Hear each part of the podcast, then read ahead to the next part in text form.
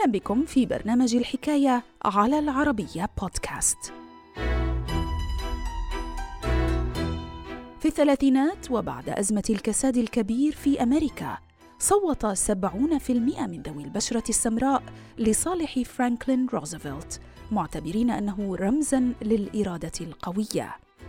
فضاعف عددهم كعاملين بإدارته وبالقطاع الفيدرالي كاسبا بذلك مزيدا من المؤيدين منهم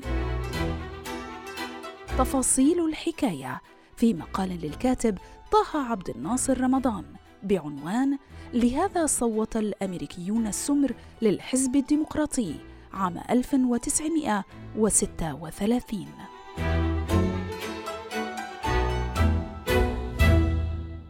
الحكاية. ما بين عامي 1929 و 1939 عاش العالم على وقع أزمة الكساد الكبير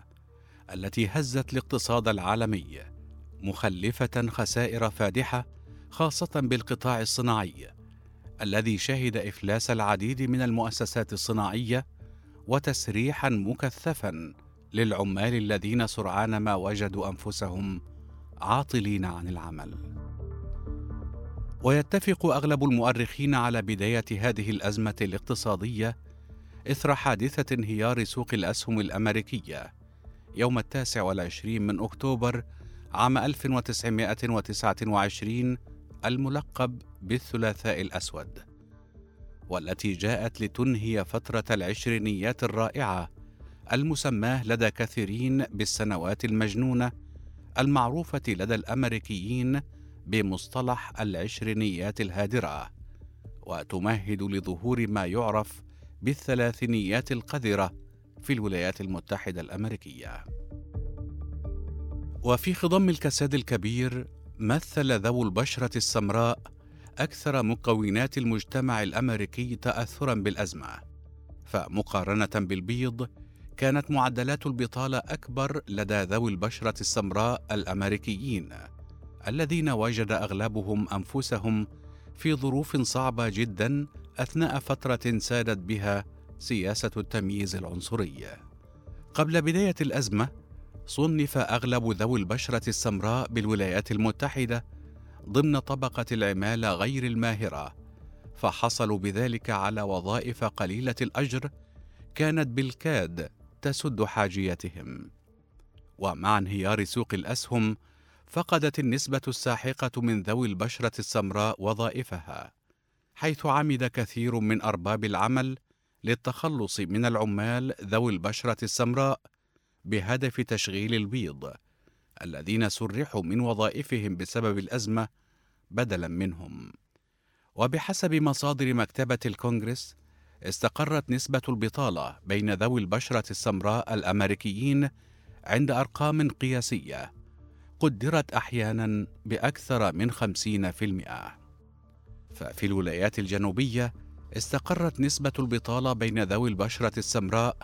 عند ثلاثة أضعاف تلك المسجلة لدى البيض.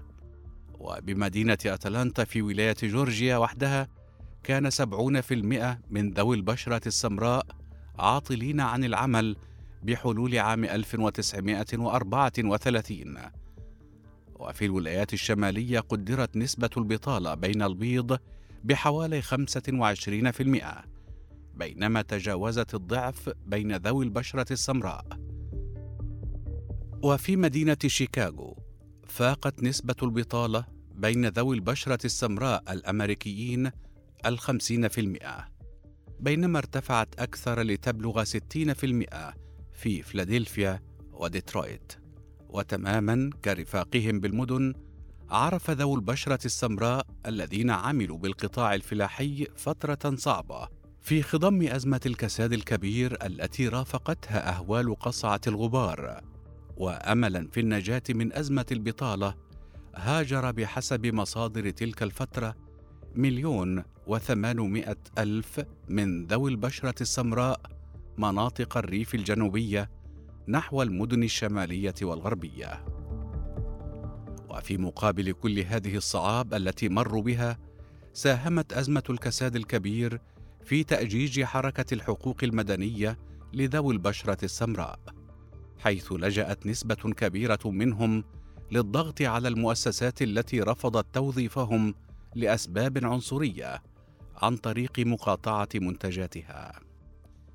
كما أسس ذوو البشرة السمراء خلال فترة الكساد الكبير العديد من الجمعيات المدنية التي باشرت بالمطالبة بإجهاض العديد من القوانين التي صنفتها بالظالمة كضريبة الانتخابات. من جهة أخرى غيرت أزمة الكساد الكبير سياسة التصويت في الانتخابات بالنسبة لذوي البشرة السمراء فبعد عقود قضوها في التصويت للحزب الجمهوري باعتباره حزب الرئيس السابق ومجهض العبودية إبراهام لينكولن اتجه ذوو البشرة السمراء خلال الثلاثينيات نحو التصويت بكثافة للحزب الديمقراطي حيث تعاطف الكثير منهم مع الرئيس فرانكلين روزفلت المنتمي للحزب الديمقراطي واعتبروه رمزا للإرادة القوية بسبب تحديه لمرض شلل الأطفال الذي عانى منه. إلى ذلك اتهم الرئيسان السابقان كالفين كوليدج وهربرت هوفر المنتميان لحزب جمهوري بسوء إدارة أزمة الكساد الكبير والفشل في التصدي لها. وبفضل برنامج الصفقة الجديدة الذي جاء به عام 1933 كسب روزفلت عطف نسبة كبيرة من ذوي البشرة السمراء خاصة بالمناطق الجنوبية. وفي انتخابات عام 1936 تحدثت مصادر عدة عن تصويت 70% من ذوي البشرة السمراء الأمريكيين للحزب الديمقراطي ومرشحه فرانكلين روزفلت كما حافظ روزفلت على دعم ذوي البشرة السمراء له بشكل لافت للانتباه فعلى الرغم من استمرار وجود قوانين التمييز العنصري وفشل برنامج الصفقة الجديدة في تقديم دعم كاف لهم ضاعف روزفلت من عدد ذوي البشرة السمراء الأمريكيين العاملين بإدارته وبالقطاع الفيدرالي كاسبا بذلك مزيدا من المؤيدين منهم.